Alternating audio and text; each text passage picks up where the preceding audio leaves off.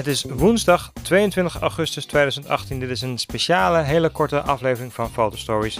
Ja, want morgen worden officieel de Nikon Full Frame Mirrorless camera's gelanceerd. De Z6 en de Z7. Ik ben daarbij aanwezig. Ik krijg dan ook de kans om de camera's te zien, aan te raken, even mee te testen. En mijn bevindingen komen morgen in een speciale aflevering van de Fotostories podcast. Houd het dus in de gaten. Abonneer je aan deze podcast, krijg je automatisch ook een notificatie. Als er een nieuwe aflevering is, wordt die ook gedownload, kan je hem gelijk beluisteren. Morgen dus de special voor de nieuwe Nikon mirrorless camera's. De foto's, hoe die camera eruit ziet, zijn inmiddels uitgelekt.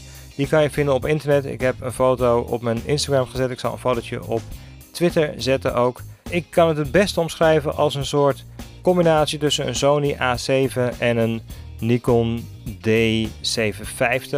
Ik denk dat dat ongeveer de beste combinatie is. Best of both worlds. Dat is in ieder geval waar ik naar uitkijk. Morgen dus eerste hands-on ervaring met die camera. Hou die podcast in de gaten. Ik ben heel benieuwd.